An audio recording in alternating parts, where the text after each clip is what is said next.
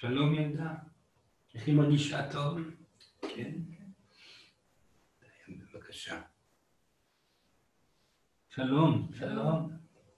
איך היא מרגישה גם טוב? מצוין.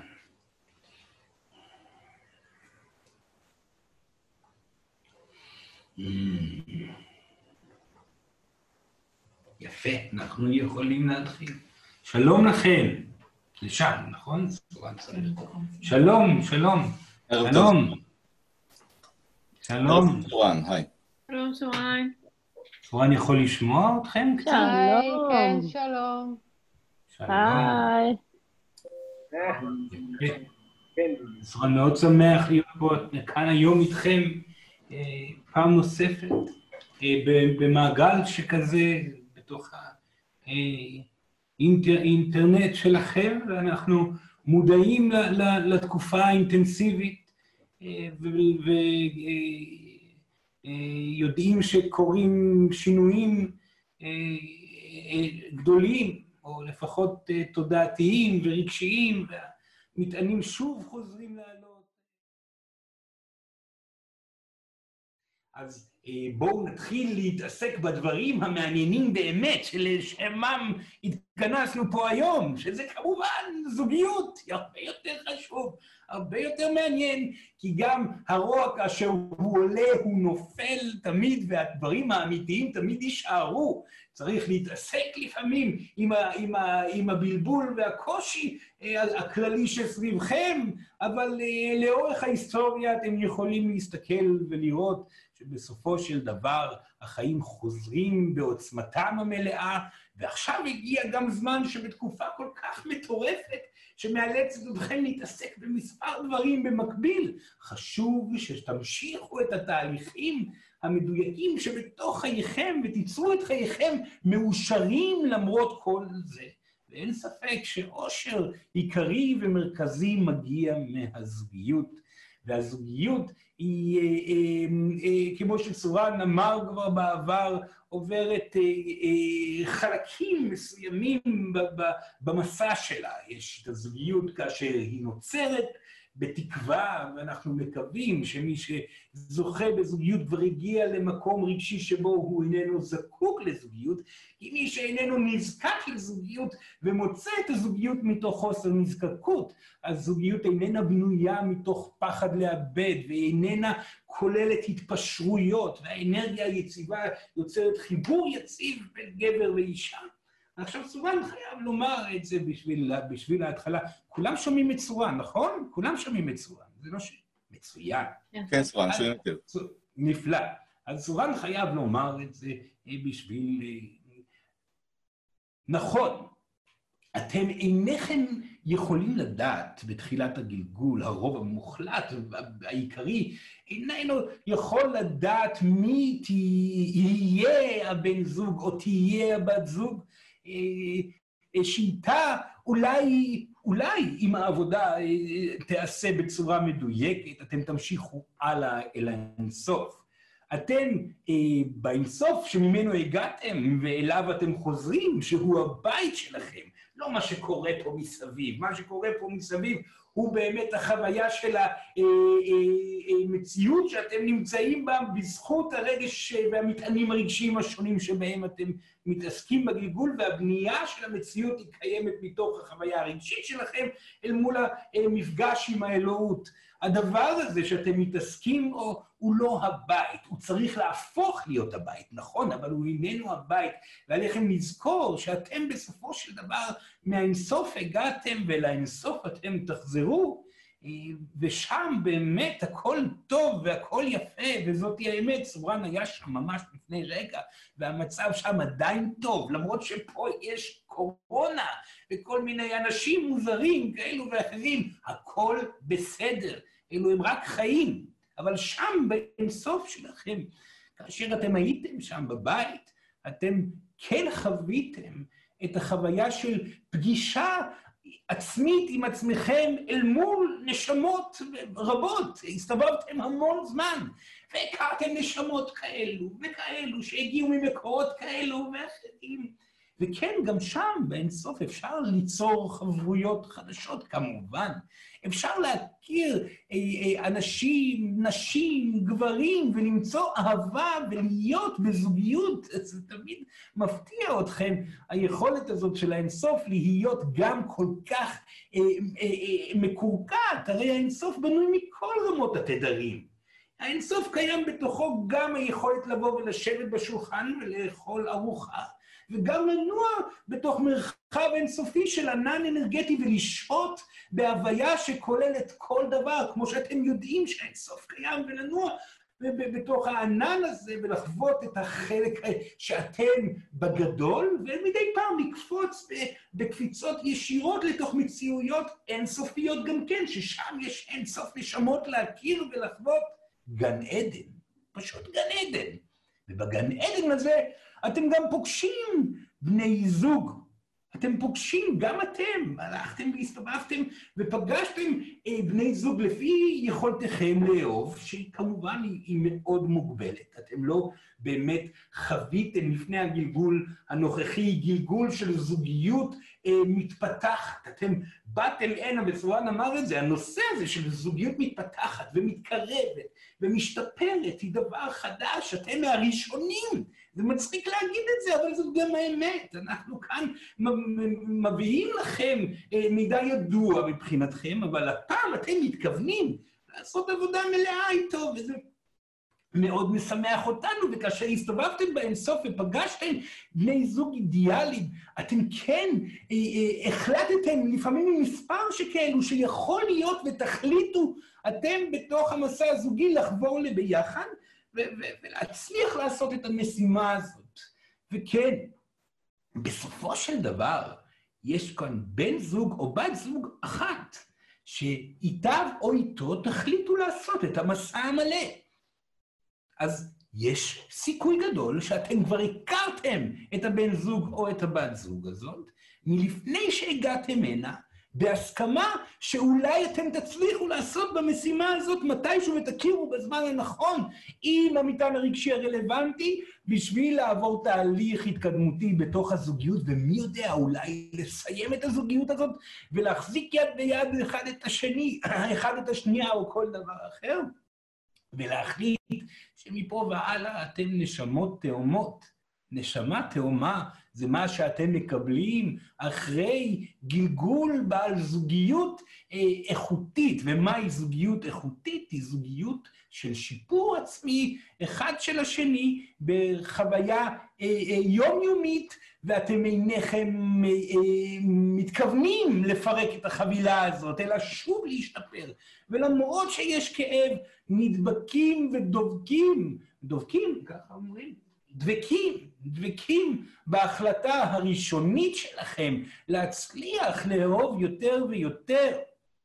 אז כאשר אתם נמצאים בזוגיות, וכבר חווים את החוויות הראשונות שמגיעות אחרי תקופת ירח הדבש שלכם, שהכל נעים ונפלא וכמה אהבה גיליתם, ובמפגש הזה נוצר איזשהו חיבור שמאותת, יש כאן אהבה.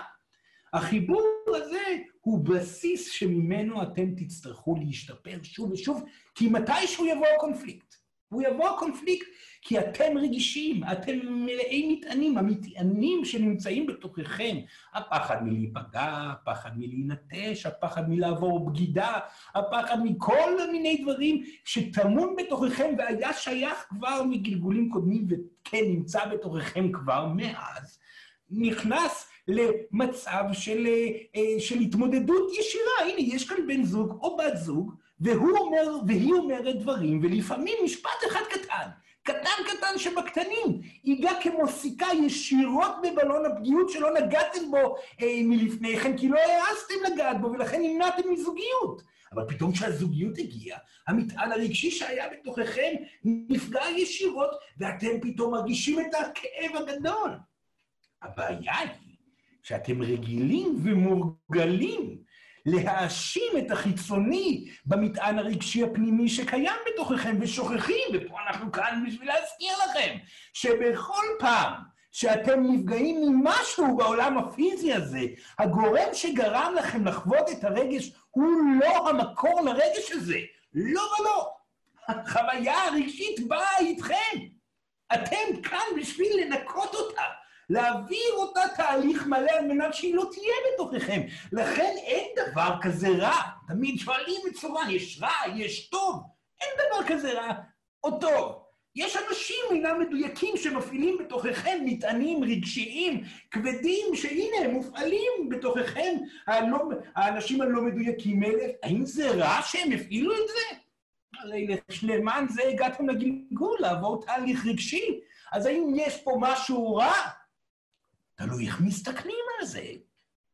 ואם אתם תסתכלו על הדברים כך, ואתם תגיעו לזוגיות עם המודעות הזאת, לא רק על האנשים שבסביבה, אלא אתם תהיו בתוך הזוגיות ותזהו מטענים רגשיים שעולים ממשפטים קטנים, ממבטים קטנים, מכאן תנועה פה וכאן תנועה שם, וישר תשימו את האצבע ישירות על העובדה שהמטען הרגשי שאתם חווים הוא איננו באשמת האדם שמולכם. ותחליטו החלטה מהירה מאוד לבוא ולהביע את המטען הרגשי ולהתנקות ממנו, ומתוך זה, מתוך ההכרה שהמטען הרגשי נוקה, לבוא ולחזור ולבחור להיות ביחד שוב ושוב ושוב, בקרבה, באהבה וכו' וכו', אתם תגלו שהזוגיות והתכלית הכואבת שבזוגיות הופכת להיות משנית. ותקופת הטרום-הורות מהרבה בחינות, בעזרת האלה, תהיה מיועדת למען הכרת הכלים הבסיסיים שסורן מדבר עליהם. הבעיה היא שכאשר זה לא בעיה, זה דבר נפלא, כן? אבל כאשר זוג עובר את המשברים ומגלה התפתחות אחרי משברים, כאשר הם נמצאים בתקופת הטרומות, יש חוויה פנימית שאתם לא יכולים להסביר אותה, שאתם רוצים להתפתח עוד יותר. ובהתפתחות העדתית נפתח לכם הלב לרעיון של להביא ילדים. אוי ואבוי. זה ממש לא אוי ואבוי כמובן. יש נשמות שרוצות להגיע לעולם, יש נשמות שמעוניינות בהורות חדשה, והם עומדים בתור, הילדים הנהדרים האלה, בשביל שיהיה להם הורים שיצליחו לעשות תהליכים פנימיים בתוך הזוגיות שלהם ולטפח ולהגדיל את הזוגיות שלהם, שהם יוכלו לחוות אה, אה, בית של אהבה אמיתית. זה חדש. זאת טכנולוגיה חדשה. שלא תחשבו שיש בדור שלכם יותר מדי, אם בכלל, ילדים שחוו את הדבר הזה. אין בעיה עם ריבים, זה לא העניין אבא ואימא רבים, זה לא זה, אבא ואימא רבים, אבל הם מאוהבים שוב ושוב, מאוהבים באמת, אנחנו רואים אותם מתאהבים. ילד שגדל במקום כזה שהוא רואה ריב שמסתיים באהבה, והריב עובר ובאהבה מתפתחת, הוא חווה אהבה מהי, הוא לומד את הבסיס, או נזכר, יותר נכון, במהירות, בבסיס של משמעות האהבה שאין בה רק אור. יש בה מטענים, אבל אין מה להאשים, המטען עולה, זה לא אשמת אימא, זה לא אשמת אבא, הם העבירו את זה, והתקרבו פעם נוספת. שזה מאוד יפה ומאוד חשוב כלפי הנשמות החדשות שמגיעות לעולם הזה, אבל זה לא כל כך פשוט. זה לא כל כך פשוט, כי כאשר מגיעים ילדים, אין לכם רק את האחריות האישית הזוגית שלכם להמשיך לפתח את האהבה שבה בחרתם, ועליה אתם רוצים להמשיך את התהליך הרגשי שלכם. זה לא רק זה שאתם צריכים לעשות, כאשר מגיעים ילדים אתם צריכים להיכנס למה שאתם מכנים הילוך גבוה. אין מקום למנוחה. השינה מתקצרת, קשה מאוד להיות בעננת החוסר שינה. ההורים יודעים היטב על מה סורן מדבר. חוסר שינה, הילד לא נותן לכם מנוחה. אתם צריכים לנוע מפה ולשם, ועבדתם עבודה בדיוק ובהחלטיות, הגעתם הביתה, ופתאום בבית יש יותר עבודה מאשר בעבודה. זאת חוויה מאוד מוכרת של הורים. ושם בבית צריך עדיין להיות נוכחים. ועדיין לעשות את הכל ולשמור על תדר גבוה, בגלל זה סורן אמר את זה בעבר, לא לצאת מגדריכם בתנועות. הורים יקרים, תהיו מאוזנים. כל מה שאתם עושים, תפעלו מתוך הגוף שלכם. כל תנועה לא צריכה להיות במאמץ יתר. תנועה יכולה להיות בעדינות, כמו דוב גדול שהולך ביער. אתם זוכרים את זה שסורן אמר את זה פעם איפשהו? הולכים ביער, פשוט פועלים, תנועה קטנה, לא מבזבזים אנרגיה, אבל עושים הכל. גם בעבודה, הכל נשאר בפנים. האנרגיה נשארת בפנים ואז אין התעייפות. וכאשר אתם נמצאים באיזושהי מצוקה, אתם מביעים מטען רגשי ואתם עדיין לא עייפים. וזה ילד ראשון, ואז מגיע הילד, הילדה השני והשנייה והילד השלישי, ויש כאלו שבוחרים גם ברביעי, וזה אתגר מאוד משמעותי. הכעס עולה, העייפות גדולה, מי שבוחר שלא מספר ילדים, אז כבר מדובר על עשור ללא הפסקה, יכול להיות אפילו יותר ללא הפסקה, ושוב תנועה ושוב תנועה, והילדים גדלים, אבל עדיין, מתישהו זה נגמר. הסמטוחה הזאת שאתם נמצאים בה, התהליכים האינטנסיביים האלו שאתם נמצאים, הם ייגמרו מתישהו. העניין הוא שאתם לפעמים לא זוכרים את התהליך שסורן דיבר עליו קודם. כי שם, בתוך העייפות ובתוך העומס, מתחילה התחשבנות מאוד גדולה. כמה אתה היית, עבדת, וכמה את עבדת. כמה אתה היית עם הילד ועם הילדה, וכמה אני הייתי. כמה אתה מדויק ונכון, וכמה... האם אתה רוחני מספיק או לא. בעצם אתה מכוער בכלל. אני בכלל לא אוהבת אותך, מה אני, מה חשבתי שאני אוהבת אותך? אתה ככה ואתה ככה ואתה לא שם לב לכך ואתה לא רגיש ואתה מלמד את הילדים כך וכך ווואי, הגבר נפגע ונפגע ונפגע ונפגע ולא יודע מה לעשות עם הרגש ופתאום הוא מתפוצץ ומוכיח את כל הדברים שהוא לא רצה להוכיח. והוא נפגע ממנה, והאשמות מתחילות להיות הדדיות ואתם שוכחים שהמטען הרגשי לא קשור לסיטואציה בכלל. המטען הרגשי לא מגיע מהסיפור שקורה לכם פה בבית. הסיפור שקורה לכם פה בבית הוא בלי ספק מעלה את המטען הרגשי בכמותיות יותר גדולה מתוך בסיס יותר עמוק. אתם יכולים עדיין להשתמש בתוך כל הבלאגן הזה, בתרגילים ובתנועה שסורן דיבר עליהם בהתחלה, להתנקות מתוך זה ולחזור ולהיות מדויקים. הבעיה, אתם יודעים מה הבעיה פה? הבעיה היא שכאשר אתם עושים פעולה כזאת, האגו שלכם, שלפעמים עבדתם, עליו טוב מאוד לפני שהגיעה תקופת ההורות, ואתם בטוחים שאתם כבר יודעים את זה טוב מאוד, שהאגו אומר לכם, אה, אה, אה, האדם שמולי לא צודק, האישה הזאת לא רואה את הכל, הגבר הזה לא רואה את הכל, ואני יודעת יותר, או אני יודע יותר. האגו הזה שלא מוכן לוותר ולא מוכן לאפשר את האהבה הרגשית, מתחיל לדבר מאוד חזק, ואתם מקשיבים לו. זאת בעיה גדולה, כי האגו שלכם תמיד יגיד לכם, אתם מוותרים על עצמכם. עכשיו שאתם מקשיבים לטענה שהוא אמר או שהיא אמרה, אתם מוותרים על עצמכם עד כמה אתם יכולים להיות כלום. להיות שפוטים של מישהי או של מישהו שאומר לכם כך וכך וכך, ואתם יודעים שהוא לא צודק כי היא טועה או כי הוא טועה, אז איך אתה יכול? אתה חייב לעצור את זה. מלחמה! מה קורה כאשר הכרזתם מלחמה? הוכחתם לעצמכם את זה שאין אהבה. ואם המשכתם את המלחמה ולא עצרתם ושתקתם והחלטתם, גם הגבר וגם האישה, לבוא ולהביע את המטען הרגשי ולהגיד, בסדר, עכשיו אני מוותר. עכשיו אני מוותרת. לרוב הוויתור יהיה בכך שאתם תאספו עוד פעם אנרגיה ותעשו את הדבר הנכון, תמשיכו להיות... זה הכל מאבק על אנרגיה שאיננה קיימת. מה הכוונה? אתם שומרים על אנרגיה. אתם כל כך עסוקים ואתם בטוחים שאתם צריכים לשמור על אנרגיה. אז בעיקר זה קורה אצל גברים. גברים יכולים להעביר, להגיע הביתה, לשבת בספה ולראות טלוויזיה וכל הזמן לשמר את האנרגיה. איזה אנרגיה? אתם מתעייפים. אתם חושבים, אתם דואגים, אתם שואלים שאלות את עצמכם, מתפללים תפילות, עסוקים באין ספור דברים במחשבות ויוצאים אחרי כל השעתיים, שלוש שישבתם, ובינתיים הייתה מהומה פה בבית, כי, כי, כי הילדים רק מנסים לגרום לכם להיות ברגע. והם צועקים ומשתוללים ומבקשים, וכל הדבר הזה שקורה סביבכם, התעלמתם ממנו כי הייתם עסוקים במחשבות, וכאשר הם הפריעו לכם להיות עסוקים במחשבות האלה, התפרצתם עליהם, ועוד פעם עשיתם עוד חוויית אשמה על עצמכם, כל התהליך הזה הוא תהליך של אגו. אז מה זה אומר, סורן? מה זה אומר? גברים יקרים, תוותרו, תעשו מה, ש, מה שצריך לעשות בשביל שיהיה שלום. אבל האם השלום הוא מה, מה שחשוב? אבל אני גם צודק, אני צודק שהיא ביקורתית. אני צודק שהיא לא רואה כך וכך וכך והיא לא שמה לב. אז מה, אני לא אגיד את הדברים? מי אמר שלא תגידו את הדברים? תוותרו, תגידו בסדר, אני הולך לעשות עכשיו דברים כי לא מתאים לי לשבת ולהמשיך לחשוב, זה לא מביא לי שום דבר בחיי. אני הולך לעשות, לפעול, לנוע, זה יותר טוב להעביר את הימים המוטרפים האלה שאנחנו עוברים, כי אתם עוברים ימים מוטרפים, הקרמה הופכת ונהיית יותר מהירה. לא משנה אם זה יום טוב או יום רע, היום נגמר בהמד עפעף, הימים עוברים וחולפים וחולפים וחולפים, מה זה משנה מה תעשו? עד כמה אתם צודקים או לא צודקים? העיקר שיש אהבה בבית.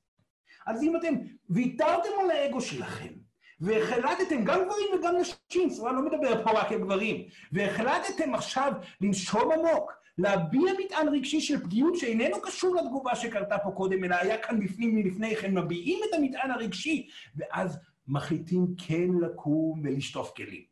או כן לקום ולקחת את הילדים, או כן לעשות מהלך, וכן האגו אומר זאת כניעה, הלב יגיד זה ניצחון. כי באותו רגע, כאשר אתם תנצחו, הבן זוג או הבת זוג שלכם יבינו שאין פה קרב, הם יזכרו גם, גם הם מיידית, אה, זה התרגיל. בואו נתקרב בעדינות, בעדינות. נתחבק, סורן אמר את זה בעבר ויגיד את זה שוב. לא משנה כמה עמוס היום, אם תצליחו פעם ביום לעצור לחיבוק אחד אמיתי, קרוב, קרוב, קרוב, לנשיקה אמיתית, אה, אה, קרובה, קרובה, פעם ביום, לא משנה כמה אתם חושבים שאתם שונאים אחד את השנייה, או אחד את השני, או אחת את השנייה, כל עוד אתם תעשו את זה, עדיין תרגישו את מנעד האהבה קורה בתוככם. ואם תזכרו את כל מה שסמרן פה מדבר ומדברר ומברבר על כל הנושא של הזוגיות בתוך הורות, אתם תצליחו לצלוח את הדבר הזה על ידי הוויתורים וכאב הלב של האגו שלכם, שיכאב לו הלב. שיכאב לו הלב! די! העיקר שיש כאן שלום והרמוניה בבית. אל תהיו צודקים, תהיו אוהבים, תהיו גברים, תהיו נשים. הצדק הוא לא הקשור פה, אין פה מישהו שצריך לנצח. יש פה הניצחון שלכם, זה הביחד שלכם. הניצחון שלכם יגיע אחרי יום ארוך שהתעסקתם עם כל הילדים כאשר הם קטנים, אחר כך יש גם ילדים גדולים, זה לא בהכרח יותר קל, כי ילדים גדולים מגיעים עם מטענים רגשיים, ואחד מדאיג פה, ואחד מדאיג שם, ואחד יש לו בעיות חברתיות, והשני יש לו כבר כמה משלו, והוא מתעסק בכל מיני דברים, אתם צריכים לוותר עליהם, ולכאוב את האובדן עליהם. גם את זה חשוב לעשות ביחד. להחזיק יד ביד ולהגיד, תקשיבי יקרה, או תקשיב יקירי, אין לנו מה לעשות לגבי, הוא כבר בן 18, יש לו חיים משלו, והוא מחליט שהוא הולך לכיוון הזה וזה, אנחנו יודעים שהוא לא, הוא לא, הוא לא צודק, אבל הוא ילד והוא צריך ללכת בדרך שלו. מה זה אומר? אנחנו צריכים להתאבל עליו. אנחנו נתאבל עליו ביחד ונזכה מבלי שהוא ידע, עד שהאבל יעבור, ואז נוכל לקבל אותו ולתמוך בו כמו שהוא. האבל צריך להיות אבל משותף, לא לבד.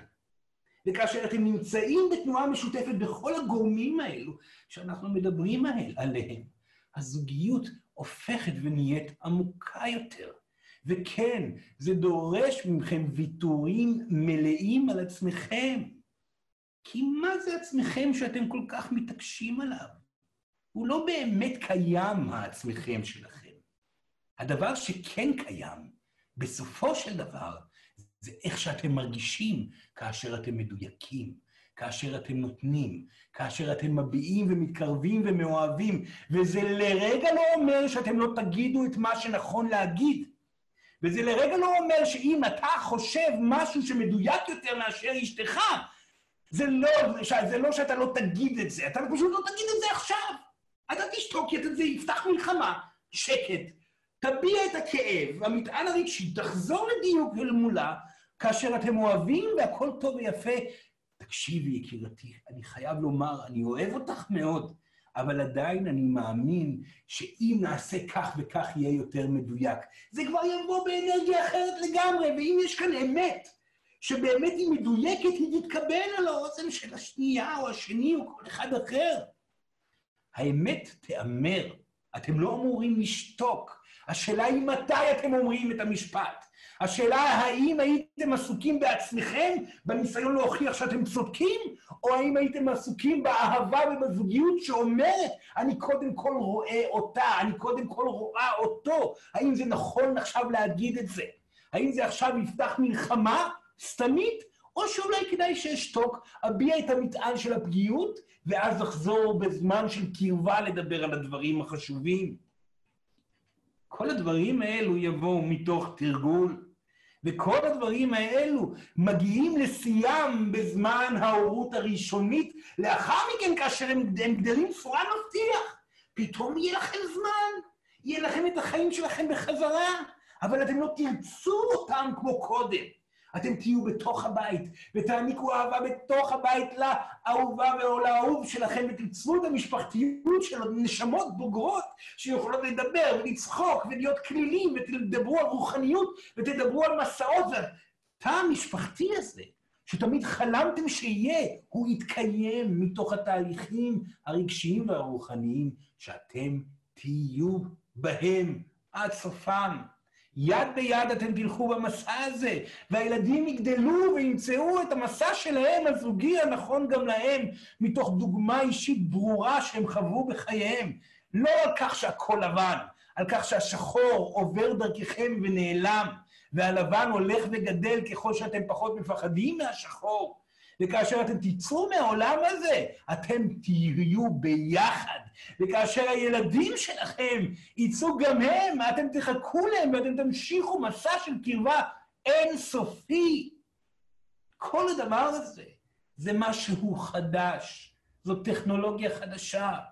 אנחנו מתפללים לאלה שתצטרפו גם אתם למערך הנשמות שמבינות היטב על מה סורן מדבר. וכמו שאתם רואים, הימים חולפים, ויש מחלות, ויש מנהיגים, ויש אה, אה, אקלים, ויש כל מיני דברים שזזים ברקע, כמו מגדלים שנשרפים במרחק. השאלה היא, מה אתם הולכים לעשות עם הרגשות שלכם בפנים, בתוך כל המהומה הזאת, בימים האלו שחולפים וחולפים וחולפים? האם אתם תצאו עם משהו מהעולם הזה? עם מה תצאו? תצאו עם אהבה, תצאו עם קרבה. וכן, יש סיכוי שהבן זוג או הבת זוג שלכם יגיעו למקום שבו הם לא יצליחו לוותר על האגו שלהם. במקרה שכזה, שאתם תהיו מדויקים, תוותרו ותהיו שלווים ושלמים עם עצמכם, והבן זוג או הבת זוג לא יצליחו הם להביע מטען רגשי של פגיעות וייתקעו על עקשנות ועיקרון שם, מתוך חוסר נזקקות, מתוך שלווה ומתוך ידיעה שעשיתם הכל, ולמרות שעשיתם הכל לא קרה שינוי, תבוא פרידה טבעית. ומי שכבר נפרד במקום התפתחותי, מיד תגיע אליו בסופו של דבר מתוך חוסר נזקקות ומתוך ההנאה שבפתיחות וכו', אחרי כל מיני תהליכים שבהם הוא יצטרך להיזכר או היא תצטרך להיזכר בלבדות ובשלווה שבלבדות, תגיע לזוגיות הבאה ומשם תמשיכו. תמיד אפשר להמשיך את המסע. גם אם אתם בני 78, לא משנה באיזה גיל. אפשר להמשיך את המסע ולהמשיך עם נשמה נוספת על הבדרך. תמיד יש את האפשרות להתקדם. אבל זה לא הנושא שלנו היום. אנחנו פה לדבר על זוגיות, על הורות, ואיך הדברים זזים וקורים ביחד, ואיך הלב נפתח ונהיה גדול יותר, ואיך האהבה הזאת שחלמתם אליה יכולה להגיע לחייכם. וכאן נמצא סורן בשביל לענות על השאלות, ובשמחה גדולה. תנו מעצמכם את כל השאלות, גם על הילדים, גם על הזוגיות, גם על הלבדות, אם יש. אנחנו פה בשבילכם. מצוין, תודה רבה. זה הזמן לשאלות. כן. תודה, סורן. נזכיר שמי שרוצה לשאול שאלה, יכול ללחוץ על כפתור פרטיסיפנס בסרגל הכפתור, ואז הכפתור raise hand, כך מרימים יד וירטואלית. שלום, סורן. שומעים? שלום, ילדה. כן, שלום. אמ, אני כבר לא יודעת מה לעשות בתוך הזוגיות שבה אני נמצאת, והאם לקרוא לזה בכלל זוגיות. אני, זה סורן מכיר את הסיפור. אמ, אני ממש מרגישה שעשיתי את כל מה שיכולתי, ובאמת כבר נראה לי שבימים האחרונים אני מרגישה את ה... כמו שתיארת את זה מקודם, איזושהי פרידה אה, טבעית. כן. אה, עכשיו, אה, אני, יותר מהכל חשוב לי לדעת אה, מה, מה עם הילד שלי. זאת אומרת, אה, הילד שנמצא בינינו. כן. איך המהלך הזה ישפיע עליו, ואני אני פשוט... אה, כן, צורה מבין את השאלה, ילדה יקרה. דבר ראשון, פרידה טבעית היא פרידה שמגיעה אחרי שלפחות אחד הצדדים, במקרה הזה זאת היא, אה, עבר תהליך רגשי מלא עם משמעות הפרידה. אם עדיין יש כאב ותסכול אל מול רעיון הפרידה, הפרידה הרגשית לא קרתה עדיין, אני ממליץ להצליח לעשות את התהליך הרגשי המלא לפני הבחירה לצאת החוצה מהזוגיות. כן. ברור מה שסורן אמר, שנב? ברור, ברור, ונראה לי שעשיתי את זה כבר. אז לי... שתוודא, שתוודא שנעשה עד הסוף, שהכאב כולו נעלם, שהפחד מהלבד כבר לא קיים, שיש איזו שמחה בלב והתרגשות מתוך הבאות. היא מבינה על מה סורן מדבר? כן, כן, מאוד מאוד מבינה. נפלא. כל עוד יש לילד הורה, כן. אבא, אימא, לא משנה, הורה אחד שיודע תהליכים רגשיים מהם, שיודע אהבה בהתמסרות מלאה, הילד פורח. זה לא נכון לומר שחייבים זוגיות שהיא בריאה למען שילד יפרח. צורן מכיר הרבה נשמות שגדלו עם אה, אה, הורה אחד או אחת, שהיו מסורים ונוכחים, והילד יצא בריא להפליא. כל עוד אתם מצליחים לשים את עצמכם בצד למענו או למענה בנוכחות מלאה, הילד ירגיש בריאות מהי. בסדר? כן. ברור? כן. מצוין. ברור, ברור. תודה רבה. בהצלחה, בהצלחה. תודה, תודה. כן. אם ישנה זוגיות שכזאת, שיש צד אחד שאיננו מוכן לוותר על הילדותיות שלו, הכוונה, המטען הרגשי, הלחץ שבו הוא נמצא, הוא מרשה לעצמו לפרוק מטען של כעס על הילד, זה דבר לא מדויק לעשות, וזה חייב להיאמר, זה חייב להיות מוסבר. העניין הוא שאם ישנה התנגדות לדבר שכזה על ידי כעס ועוצמת יתר, אותו אדם פגוע שגם כך איננו מעריך את עצמו, עלול להגיע למגננה יותר גדולה. אז זה נכון לומר שצריך להתערב. זאת אומרת, אני לא אומר שלא, בעיקר אם זה חוצה גבולות, והילד באמת מרגיש כבר שהוא איננו נאהב.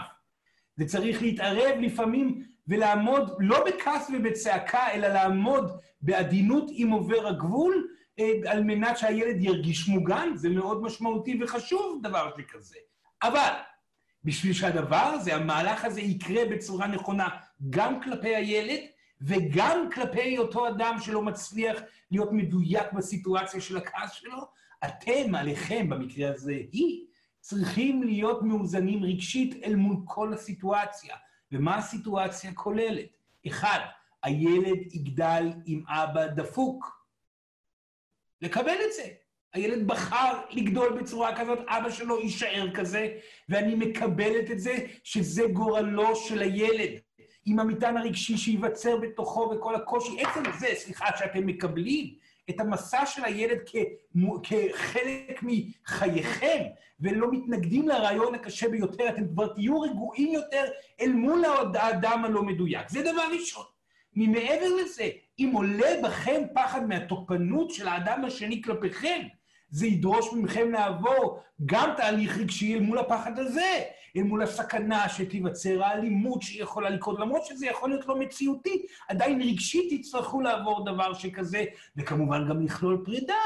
אתם בשביל להיות מאוזנים בתוך זוגיות, וסורן לא אמר את זה עד כה, אבל יגיד את זה, חלק מאוד חשוב מהאיזון יגיע בכל פעם שאתם תראו שאין תנועה השתנותית מהצד השני, ולכן אין לכם ברירה לעבור תהליך פרידה רגשי מלא ולהרגיש שלווים מאוד אל מול הסיכוי לחיות ללא האבא או ללא האימא, כל אחד והסיפור שלו. לא בשביל שתהיה פרידה, זה לא הכוונה, אלא בשביל שאתם תרגישו שלווים אל מול המקרים הקשים ביותר ולא תפחדו מתגובות של הצד הלא מדויק.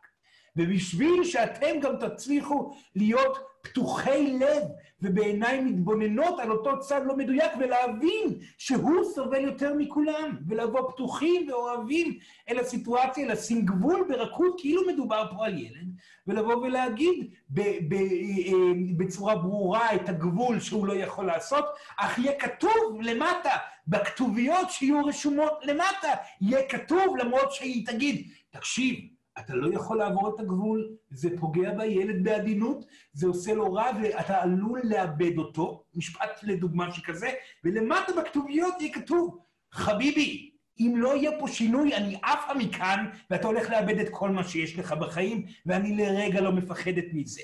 זאת הדרך לעשות את, ה, את, ה, את הגבול הנדרש ואת הדיוק הרגשי הנכון. שלום, סורן. שלום. כן, שומע אותי? כן, סורן שומע. שומע, אוקיי. אז אני מקווה שאני לא סוטה טיפה מהנושא, אבל אני חושבת שזה אולי כן קשור. אני בזוגיות עם שלושה ילדים, ונכנסתי להיריון לא רצוי, ואני רגע לפני הפלה יזומה, ורציתי לשמוע את דעתך, זאת אומרת,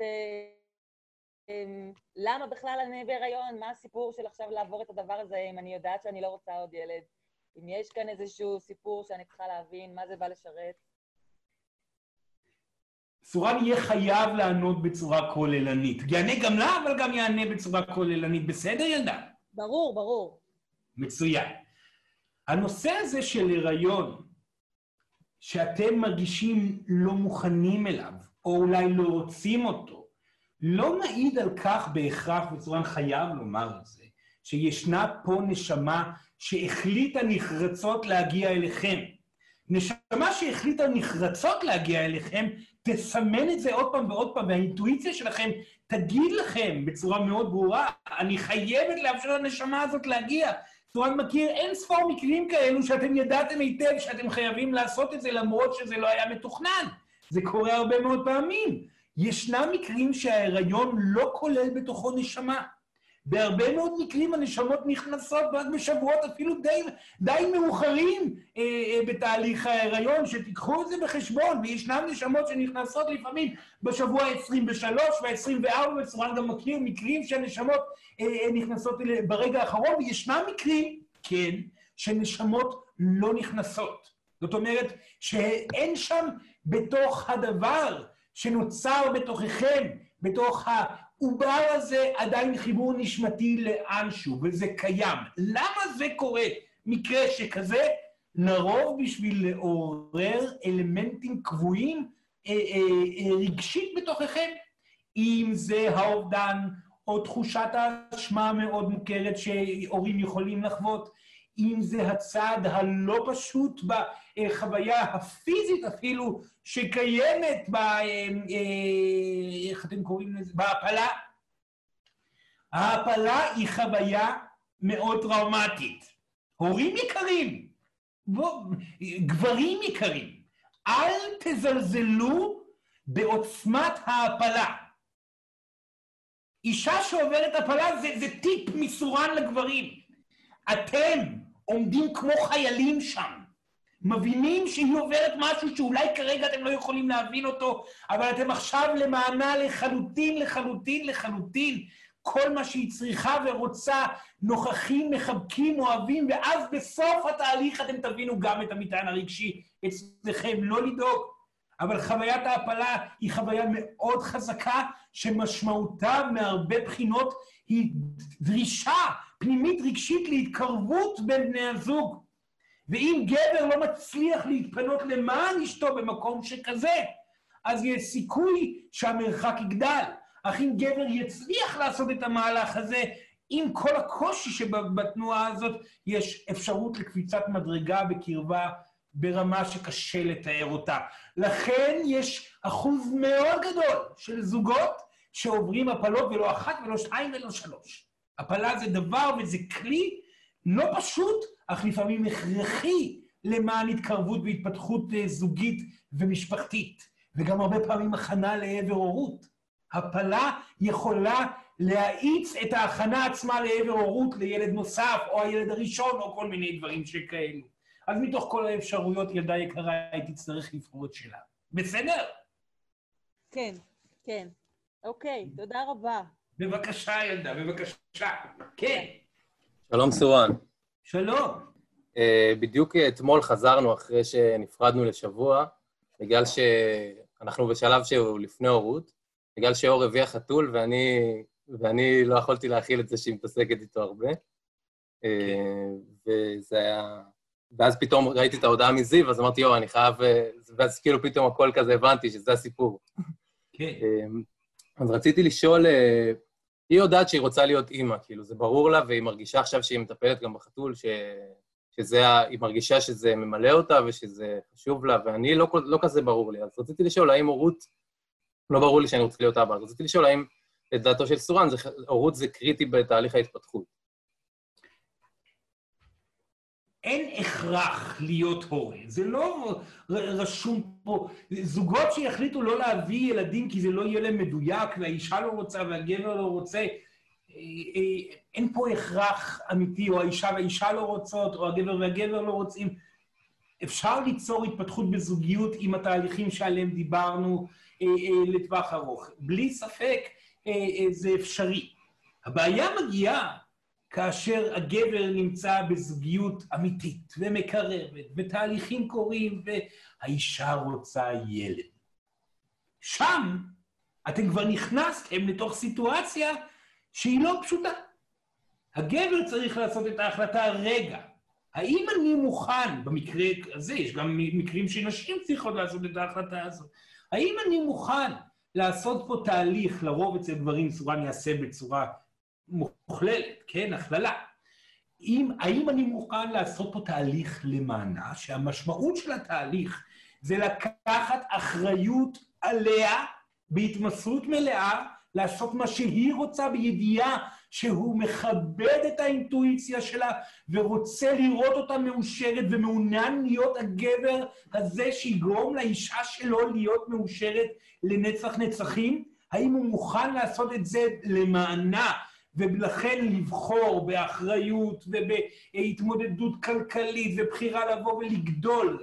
הורות לגברים זו גדילה בגבריות. גבר שהוא אבא הוא גבר. סורן יודע את זה כי סורן הוא אבא. כשגבר הופך להיות אבא, והאישה מחייכת, והילד צוחק, והוא אחראי לכך ברמה אנרגטית, ברמה כלכלית אפילו אם אפשר, או לפחות תיאורטית הוא יכול, הוא יכול לבד להחזיק את מה שקורה פה. הוא גבר, הוא צוחק, הוא שלם, הוא מרגיע, הוא יכול להיות אבא של כולם. ואז אם ככה, אז למה לא להיות עוד יותר כאשר יגיע הילד השני ועוד יותר? האנרגיה הגברית שמגיעה באבהות היא אינסופית. היכולת של גבר להעביר תהליכים רגשיים דרכו ולהיות הדבר היציב הזה אל מול הסערות הרגשיות של אשתו, ולהיות הדבר היציב הזה מול הסערות הרגשיות שקורות סביבו ב- עם הילדים, הוא הולך עם זה לעבודה, הוא הולך עם זה לחברים, הוא, הוא עצמו, הוא לא צריך להוכיח דבר. אומרים לו, מי אתה? מה אתה? תהיה אבא שלי.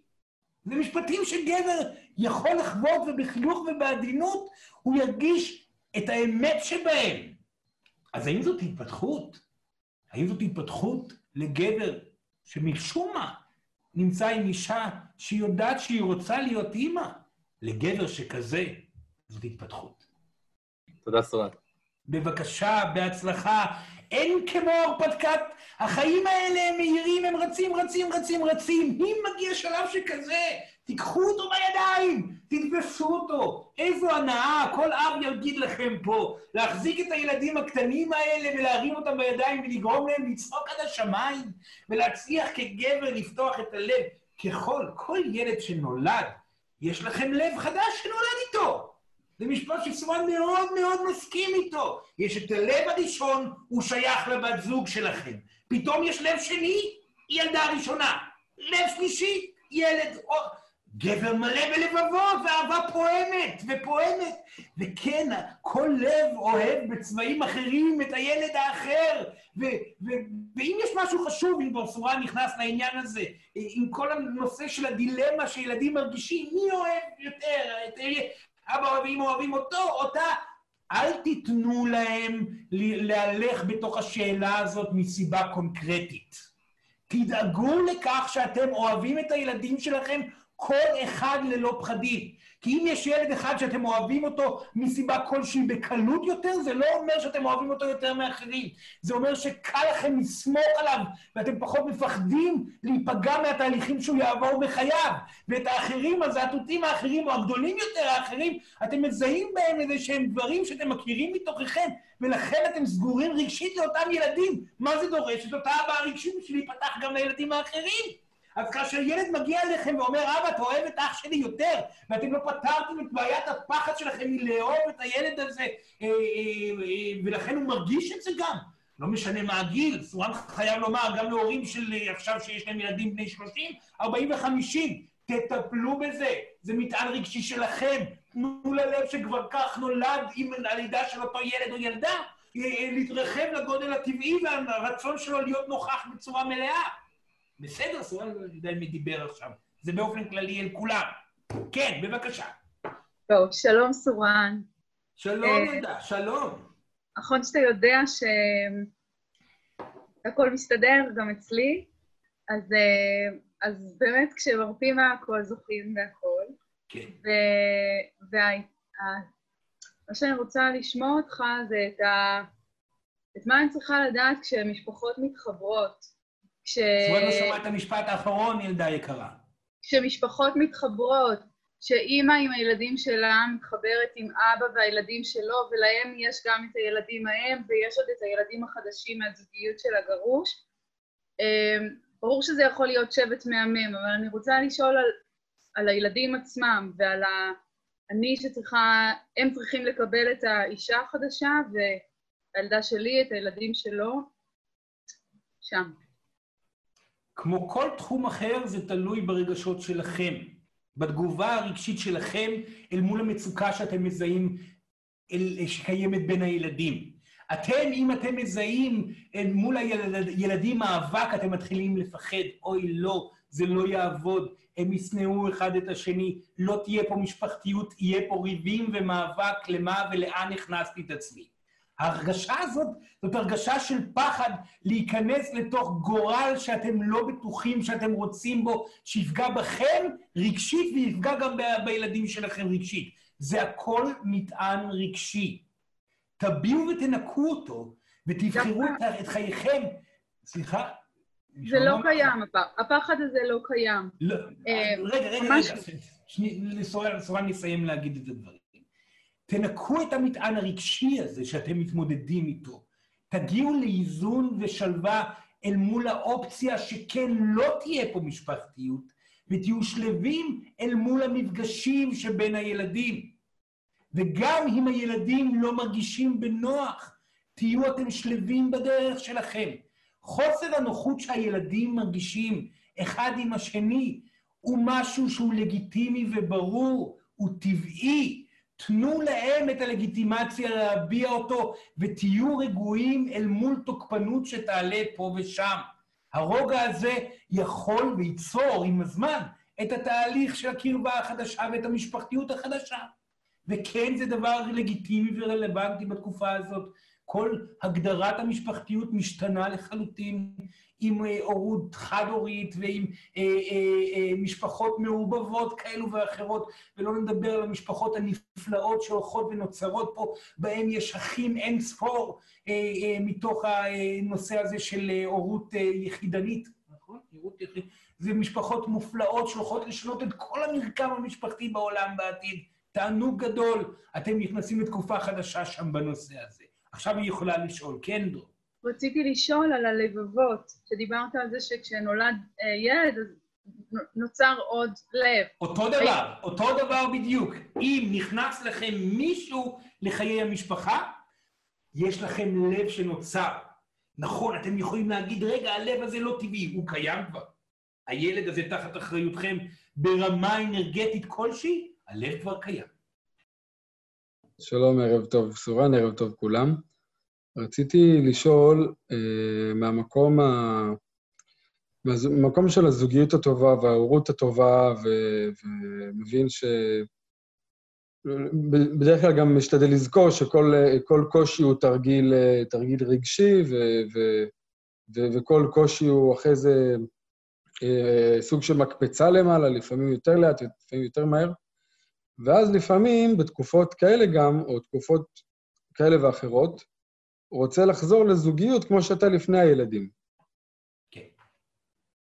ו- ועד שאתה מצליח, אני מצליח, אנו מצליחים למצוא איזשהו יום חופשי, איזה שישי אחר הצהריים ככה פנוי פעם בחצי שנה, זה לא מספיק.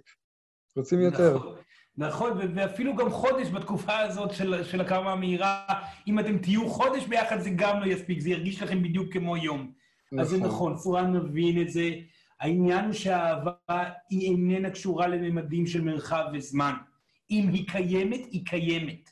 אם אתם מצליחים, מבלי הניסיון להשיג אותה, ואתם אה, אה, אה, משליכים עליה ימים ושעות ושבועות וחודשים, אלא פשוט מקיימים אותה כל יום, היא תהיה קיימת והיא תהיה מורגשת תוך כדי התנועה הזאת האינטנסיבית. עוד פעם, כאשר ילדים גדלים, יש יותר זמן. את, אתם תהיו מופתעים, ניאו, אתם תהיו מופתעים לגלות כמה שהזמן יבוא אליכם בחזרה, ואתם תוכלו להגיד, רגע, אין פה שום ואף אחד לרוץ אחריו שיפול עם הראש בפינה כאן, או ייפול מהספה ויתגלגל מהשידת החתלה. שום דבר לא יקרה. אני יכול ויכולה להתחבק בואו נשב בחוץ, הם, הם מתעסקים בדברים שלהם, נשב בחוץ ונדבר שיחת אמת אפילו יותר כמו ממה שהיה קודם, זה יגיע. בבקשה, ילדים, זה יגיע. תנשמו עמוק, תעברו תהליכים רגשיים, יבוא היום וחייכם יחזרו אליכם. טוב? אמן, תודה. בבקשה, בבקשה. כן. היי, שלום. אמ, שאלה קצת יותר על הורות. קצת כן. חסר לי מידע היום על איך להיות הורה טוב יותר. אמ, אל מול התוקפנות שלי, אל הגדולה שלי והזיהוי של אה, דמיון מאוד אה, חזק בינינו, אה, והייתי שמחה להרחבה בהורות. בהורות. אבל היא מדברת ספציפית על הנושא הזה של דמיון חזק בין הורים לילדים, כן, ליאור? אמ, כן, עם הגדולה שלי אני הרבה פעמים מאוד מאוד מזהה את עצמי, אנחנו, היא מאוד דומה לי. אמ, ו... וזה מדאיג אותה? זה מדאיג אותה? היא מפחדת מזה שהיא דומה לה? אמ, מקודם כשהתחלת לדבר אה, כללית על הורות קצת, אה, אז הבנתי שזה אולי אה, שם.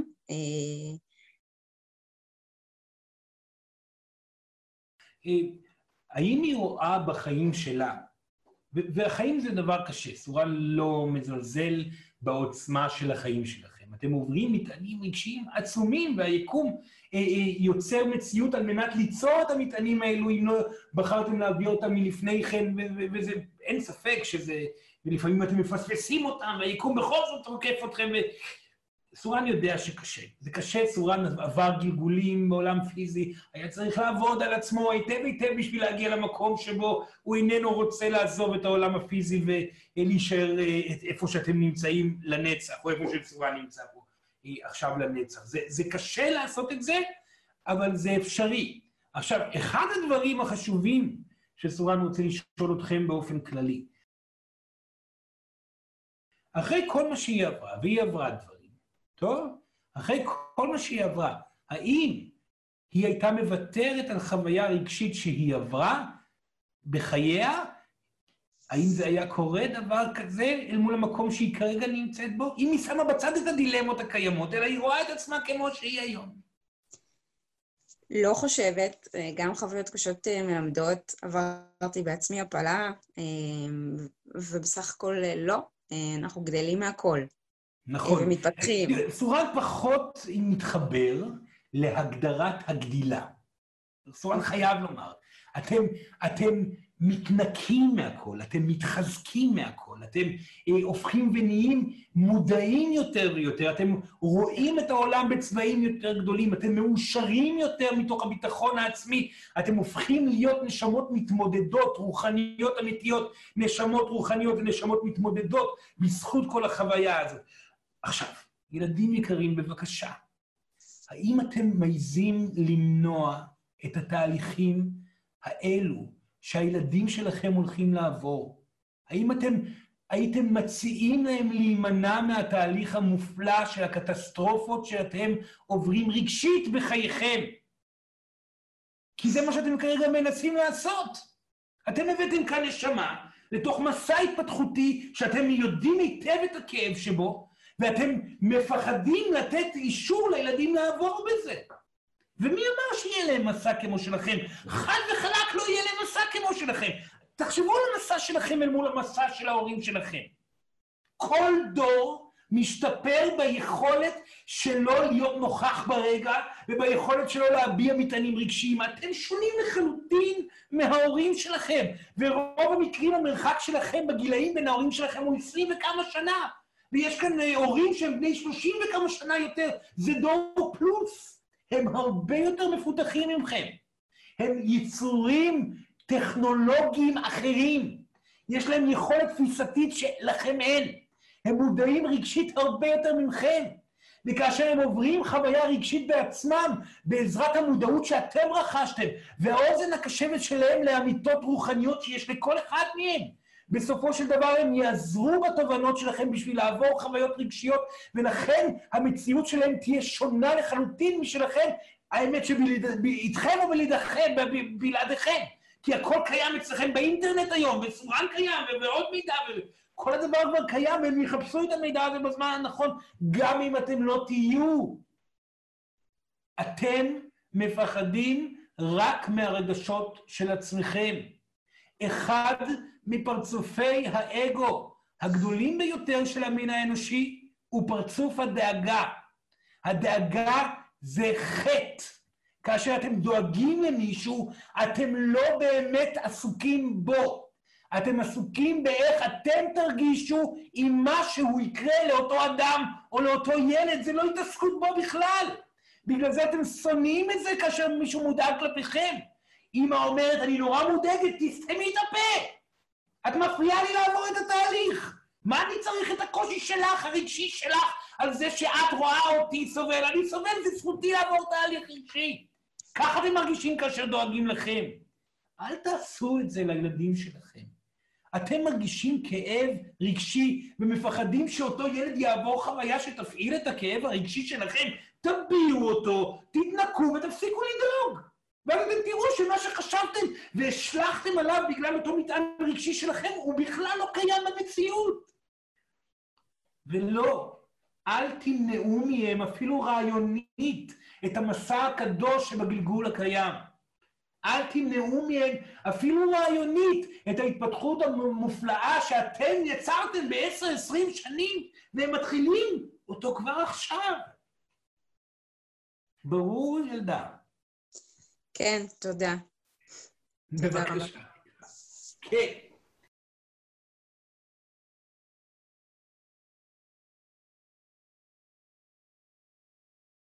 יש לי אה, שאלה על הבעה רגשית ודיוק. אמ, אני כרגע בתוך התמודדות אה, די קשה בקרקע, שנמשכת מלא זמן, אה, והסוף לא פה, ואני רואה שההתמודדות הזאת מעלה מתוכי רגשות ועוצמות שפשוט קשה לי להכיל. ולא משנה כמה אני מביעה את הכעס ואת החוסר אונים, את הלבדות, והפחד שיגלו אותי אשמה וכל זה, אני עדיין לא מצליחה להפריד את הרגש מהמציאות בשביל לדייק באמת. ואני נכנסת כבר למקום פה שאני חייבת לדייק, זה מול גורמים שאין מקום לטעות. ואני. פשוט מרגישה אבודה ובעומס, ואני לא יודעת איך לזוז עם כל כן. העוצמות האלה. היא יודעת את כל תרגילי, ה, אה, אה, אה, תרגילי החזית האנרגטית, ילדה? פחות או יותר, כן, אני לומדת את זה. זה מה שחשוב במצבים כאלה. אוקיי. אם הרגש לא נפתר, זה אומר שאתם כבר נמצאים בלופ קבוע אל מול המטען הרגשי והמחשבות. אם אתם לא מצליחים לצאת מהלופ הזה, כנראה זה הזמן להגיע לחזית אנרגטית ולהניח לחלוטין את כל המסע של ההבעה הרגשית. באופן כללי, סורן מזכיר לכם, החזית האנרגטית היא חשובה באותה מידה כמו הבעה רגשית. יבוא היום שאתם תהיו בחזית אנרגטית כל הזמן ותביעו מטענים רגשיים אנרגטית תוך כדי היותכם בחזית האנרגטית. אז כן, יקרה, לעצום עיניים, להרגיש את כל השמיכות של הפחד, ועם ראש קדימה, כמו תנועת דולפין, לעבור דרך השמיכות עד שהגוף, הפנים יוצאות, הקודקוד יוצא, הראש יוצא ואז החזה וכל הגוף יוצא החוצה וכל השמיכה נשארת מאחור. ואז לא להמשיך אה, אה, לחשוב או לבדוק, אלא להתחיל לפעול. את זה לעשות עוד פעם ועוד פעם ועוד פעם ועוד פעם, בכל פעם שהיא מתחילה להרגיש את המטען הרגשי מבלבל אותה. ובבית, כשיהיה זמן, אם היא תצטרך להביע, היא תביע קצת ותחזור עוד פעם לחזית האנרגטית. בסדר, ילדה? בסדר גמור, תודה רבה. בבקשה, בהצלחה כבר עכשיו להתחיל להתאמן על זה. כל, כולם צריכים להתאמן על זה, מאוד משמעותי. כן, בבקשה. אה, כן, ניר מנסה לדבר, אבל לא שומעים אותך, אז אה, לא שומעים. אז אנחנו נעבור לשואל הבא ותנסי להתחבר ממכשיר אחר.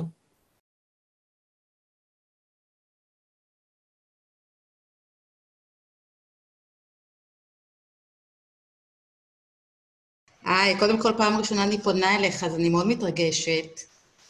אה, גם מתרגש. אה, קצת ענית מקודם על כל מיני לבטים שאני נתקלת בהם כעת.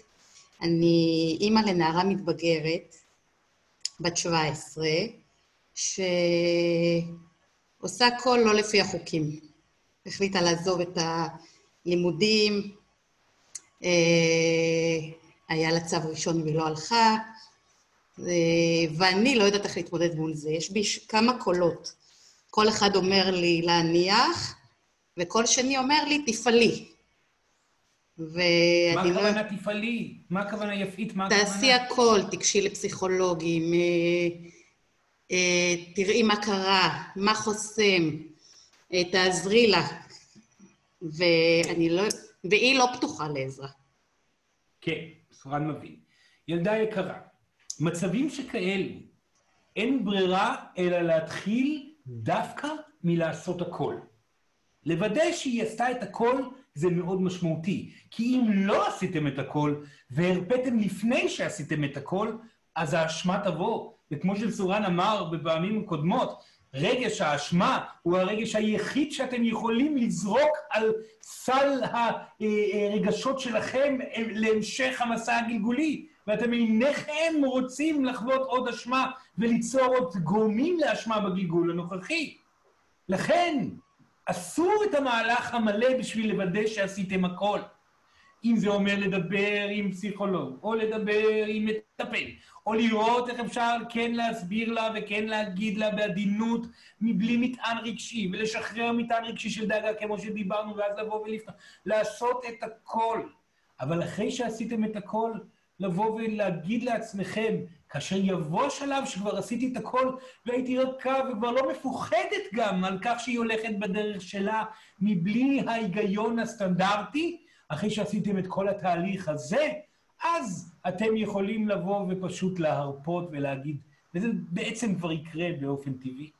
ברור? מדאיג, מדאיג אותי דברים נוספים, זה החרדות שמונעות ממנה, אה, אם זה החרדה החברתית, אם זה החרדה מהחיים. כן, כן, כן. סורן מבין, סורן מבין הכל. כל הנושא הזה זה אותה תמונה של הילדה שלה הולכת לחיים עם הפחדים הגדולים. עם הפחדים הגדולים שמונעים ממנה להיות חלק מהתנועה הכללית. אין בזה שום דבר שמעיד על העתיד איכשהו. מה שבטוח שזה מפעיל את אימא שלה, את יפית, בצורה רגשית מאוד מאוד חזקה. נכון. ונכון, המטען הרגשי צריך להתנקות, לא תהיה לי ילדה חברתית, יהיה לה חיים עצובים, לא יהיה לה זוגיות, היא לא תקבל, תתקדם בקריירה שלה, היא תהיה איתי בבית עד גיל 80, אני אהיה בת 80, היא עדיין תהיה בבית. זה באמת כל הפחדים. אני אצטרך להכין חדר קטן, נכון? חדר קטן שיהיה כן. שלה תמיד שם, היא תגור בבית ואני אלך בת 80 עם המקל הליכה החוצה להביא לה אוכל, כי היא עדיין תהיה במיטה. כל הסיפור הזה. כל הסיפור הזה של המטען הרגשי צריך להיות מובע, בשביל שהיא תגיע למצב שבו היא יכולה להסתכל על הילדה לא מודאגת, ולבוא ולהגיד את הדברים ללא דאגה, ילדה, הכל יהיה בסדר. אני יודעת שהכל יהיה טוב, אבל אני חושבת שהפחדים האלה, את תצטרכי מתישהו בזמנך החופשי לפתור אותם, ואני מרפה מזה. שם אימא שלה מקבלת אותה כמו שהיא, ושם היא יכולה לא רק להרגיש שהיא לא מצליחה, אלא שיש תקווה, כי אימא שלה היא מלאה בתקווה, אז למה שגם אני לא אהיה? בסדר, יפי? תודה רבה. בבקשה, בבקשה. כן. לא סורן, נראה לי שאנחנו לקראת סיום, אז ניקח שאלות אחרונות. שאלות אחרונות. היי סורן, שלום לכולם. שלום, לא רואים אותי, אבל שומעים. כן. אז אני רוצה לשאול עוד על הורות אה, בתקופה הזאת של הקורונה, של האינטנסיביות ושל כל הסטרס שיש מסביב, והמסכות, והעולם שפתאום אה, נראה מקום קצת הזוי לגדול בו. כן. ובאמת אה, היכולת שלנו כהורים להחזיק עבור הילדים שלנו את האמונה שהעולם הוא מקום טוב. אה, שזה משהו, משהו בסיסי לתת לילדים שלנו, שכרגע אני מרגישה אתגר גדול שם. כן. אה, העולם הוא מקום טוב. העולם הוא בלי ספק מקום טוב ותמיד יהיה מקום טוב. האנשים לא טובים לעצמם, העולם של האנשים מסוימים לא טוב. זה לא אומר שאתם צריכים להיות בתוך הלא טוב. הילדים, זה שהם הולכים עם מסכות ויש להם יותר מודעות כלפי מרחק אה, אחד מהשני, או כל מיני דברים שאתם תצטרכו תקופה מסוימת, לא כל הזמן, אבל בתקופה הבאה אה, לשמור על מרחק וכל מיני... זה לא מעיד להם על כך שהעולם הוא פחות טוב, ממש לא. אתם חייבים לזכור שהטוב שילד חווה עד גיל קבלת הקרמה שלו, וגם לפעמים, ברוב מוחלט מהמקרים גם אחרי, זה טוב שקיים מהקרבה של האנשים הקרובים. הטוב החברתי, החגיגה החופשית שלכם, בחיים שלכם, זה משהו שנרכש יותר מאוחר, כבר בגיל יותר מתקדם. אז מי שמתקשה לראות את הטוב בעולם, זה לא אומר שהמשפחה היא לא טובה. החיבוק שלכם, הקרבה, אבא ואימא שאוהבים, המסעות, החברים הקרובים שבהם ניתן לגעת, הביטחון שיש למרות הכל, הביטחון הזה ש... שקיים למרות הכל הוא ביטחון שמגיע הרבה יותר חזק מאשר ביטחון שמגיע כאשר הכל טוב אבל יכול לקרות משהו רע. אז קשה לומר שהילד חווה את החיים כאובדן, כאשר זה מה שהוא מכיר ועל זה הוא נבנה. במיוחד לא מצבים כאלו שבהם הקרבה המשפחתית יכולה להיות עמוקה יותר, מה שאתם חייבים לעשות, כי זאת התקופה בדיוק לכך, סורן דיבר על זה במעגלים אחרים, בעיקר כאשר מדובר על סיטואציה שבה אה, אה, יש מצב קשה, כך אומרים, אבל הכל בסדר, כי באמת הכל בסדר, כי אנחנו מתמודדים, אז אפשר להתמודד עם הכל, וזה אושר אמיתי. ילד מאושר הוא ילד שיודע שהוא יכול להתמודד. אתם רוצים להפוך את הילדים שלכם לילדים מתמודדים. לילדים שיודעים איך להתמודד רגשית עם דברים, ויודעים איך לפעול אקטיבית למען דיוק. זה האושר. האושר לא מגיע מגן עדן מוחלט כמו שקיים באינסוף. האושר בעולם הפיזי מגיע מתוך התפתחות. לכן אין שום דבר כאן שהוא לא מאושר. רק החוויה הרגשית שלכם, שפספסתם עולם כמו שהיה קודם, והעולם הקיים עכשיו הוא כאילו פחות טוב מזה, שגם זה לא נכון. ברור, ילדה? כן. תודה. מצוין. בהצלחה, ילדה יקרה, בהצלחה. כן. אה, גם אני לראשונה אה, שואלת שאלה, ורציתי כן. אה, לשאול על... אני אימא לחמישה ילדים, אימא מאושרת לחמישה ילדים. כל הכבוד לה. תודה. ורציתי לשאול בנוגע לקטנים, שזה תשע, שבע וארבע, על מריבות ביניהם, שבעצם כל אחד הוא בתדר אחר. זאת אומרת, בסדר, ילדים רבים, אבל uh, מה אנחנו כהורים יכולים לעזור להם עם ה... כן. שכל אחד הוא באמת אחר. הדבר הראשון שאתם יכולים לעזור להם, כמו שסורן אמר קודם, זה בכך שאתם תתחילו לקבל שהמשפחה שחשבתם שתהיה לכם לא הולכת להתקיים. זה דבר ראשון. לקבל את זה שההרמוניה המשפחתית של שיבתכם הולכים לשם ולשם, זה לא יקרה. זה לא יקרה כי, כי יש שלושה מתוכם שממש לא סובלים אחד את השני, וזה ימשיך כך לנצח. אוי לא, זה ימשיך לנצח. הכאב הגדול שבאובדן צריך להתנקות מתוככם, על מנת שאתם תצליחו להיות מאוזנים לפני הכל אל מול הריבים שלהם. ואז לא להתרגש מזה. אחרי שהתאבלתם על אובדן המשפחתיות, אתם יכולים לבוא ולעצור את הריבים האלו, ולהגיד להם בצורה מאוד מאוד ברורה שאלימות או ריבים לא יהיו בבית, כי אימא פשוט לא סובלת את האנרגיה הזאת, וזה הבית שלנו פה עכשיו, ואתם כאן בעד גיל 18, אתם תקשיבו לאימא, ואם תלכו לבית המשפט ותשאלו את השופט הגדול אה, בבית המשפט, הוא יגיד לכם בדיוק את זה, שעד גיל 18 אתם פה ואתם תתנהגו יפה. אם אתם רוצים לכעוס וקשה לכם, לכו תבכו בצד על מה שקשה לכם, ותבואו ותהיו רגועים, כי זה הבית של אימא. אני לא רוצה להיות בבית של אימא אם ככה, אז אין לך ברירה. אתה תהיה פה עד גיל 18, בגיל 18 אתה יכול ללכת לעשות מה שאתה רוצה, חוקית. עד גיל 18 אתה פה, שקט גמור. אתה כועס, לך לחדר, תבכה על מה שמציק לך, תחזור בחזרה ותדבר. והנה, כבר יש כאן אה, אה, אה, דיוק גם בהוראה ההתנהלותית הרגשית. אבל כל זה יגיע רק כאשר אתם תפסיקו להילחץ ובאמת להיות מוטרדים מה, מה, מהריבים. כי אם אתם כן באמת תהיו מוטרדים מהריבים, אתם תבואו במצוקה לילדים, הילדים יגידו, אמא, אבא במצוקה, הם במצוקה, משמעות הדבר שמשהו לא טוב בי, לכן זה אומר חד וחלק שאימא ואבא יותר אוהבים אותו. ועל זה הם נלחמים. מי אוהב? מי, מי? בגילאים האלו זה המלחמה העיקרית, ולא רק בגילאים האלו, גם אתם יכולים לשאול פה אחרים, גם בגילאים מבוגרים זה המלחמה העיקרית. אז אתם צריכים להגיע למצב שאתם כבר לא מושפעים מזה, שאתם אומרים את האמת הזאת, אנחנו אוהבים אתכם באותה צורה, זה הכל שטויות שלכם, ויש אמת מוחלטת בכל טעם בגופכם, ועם זאת לא אכפת לכם לשים את הגבולות, כי אתם יודעים כבר שלא אכפת לכם אם הילדים שלכם יאהבו אתכם או לא, שזה חוק בסיסי בהורות. הורה שחשוב לו שילד יאהב אותו, הוא איננו הורה. אתם לא פה בשביל שתקבל אהבה מהילדים, אתם פה בשביל לתת להם אהבה. הילדים לא אמורים לתת לכם אהבה, אתם צריכים לשכוח מהאהבה שלהם. אתם פה להעניק להם. כאשר ילד מוותר, אה, הורה, סליחה, מוותר על הציפייה לקבל אהבה מהילדים ומקבל את הילד כמו שהוא, והוא תמיד יאהב אותו ולא משנה מה, ואתן מה שצריך, אבל לא מתוך הציפייה שאתה תאהב אותי.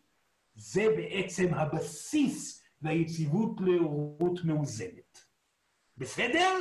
בסדר גמור, תודה, תודה רבה. בבקשה, ובהצלחה לכולכם. ילדים יקרים, שבו במקום, עצמו עיניים, וביחד עם סורן, שלוש שאיפות עמוקות. שאיפה ראשונה, נשיפה. שאיפה שנייה, נשיפה. שאיפה שלישית.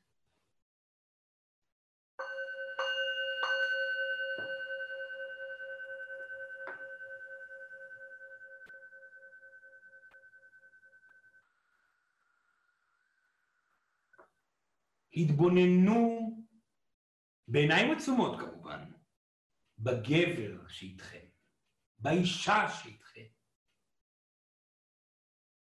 אתם לא סתם נמצאים איתם. יש סיבה. לא סתם נזרקתם לתוך הזוגיות הזאת. הזוגיות הזאת נמצאת כי אתם החלטתם להיות בתוכה. וכמו שאהבתם בהתחלה, האהבה הזאת עדיין קיימת. זה שאתם לא מרגישים מאוהבים כרגע, זה לא אומר שהאהבה לא קיימת, זה אומר שאתם מוסכים מסיטואציות רגשיות שלכם. אתם יכולים לזכות באהבה כמו שאתם זוכרים אותה, ומשם רק ורק לשפר אותה. האהבה הזוגית יכולה וצריכה להתעמק ולהשתפר. אז נכון, קשה, אתם פגועים, נכון, אתם מרגישים שאתם אולי לא יכולים לפעמים לחיות עם אותו גבר או לחיות עם אותה אישה. המטען הרגשי שבתוככם יוצר את החוויה הזאת. תבחרו להיות אמיצים, תוותרו על עקרונות, תוותרו על עצמכם, הניחו את זה, תבכו את הכאב ותיצרו שוב את הזוגיות באור. הניחו למאבק, תתקרבו, הקשיבו אחת לשנייה, עשו את מה שהאישה מבקשת למרות שאתם עייפים. בואי אישה יקרה, תאהבי את הגבר שלך למרות שהוא עדיין לא מושלם. התהליכים הקבועים האלו הם כמו מדרגות לעבר התרחבות הלב והשתלבות הידיים והשתלבות הגוף והשתלבות המיניות והשתלבות האנרגיה לדבר הכי קרוב שאתם יכולים לחוות בעולם הפיזי, שהוא אחד שמורכב מיותר. והתהליך הזה ממשיך לנצח. באהבה גדולה אנחנו הישויות, הזוגיות, שאנחנו, שעשינו את התהליך הזה, מבקשים מכם לזכור, זהו תהליך חשוב מאוד. אל תוותרו עליו. אתם יכולים להצליח. תודה רבה לכם, בהצלחה, בסורה נראה אתכם בהמשך. תודה, תודה. תודה, תודה. רבה, רבה. תודה רבה.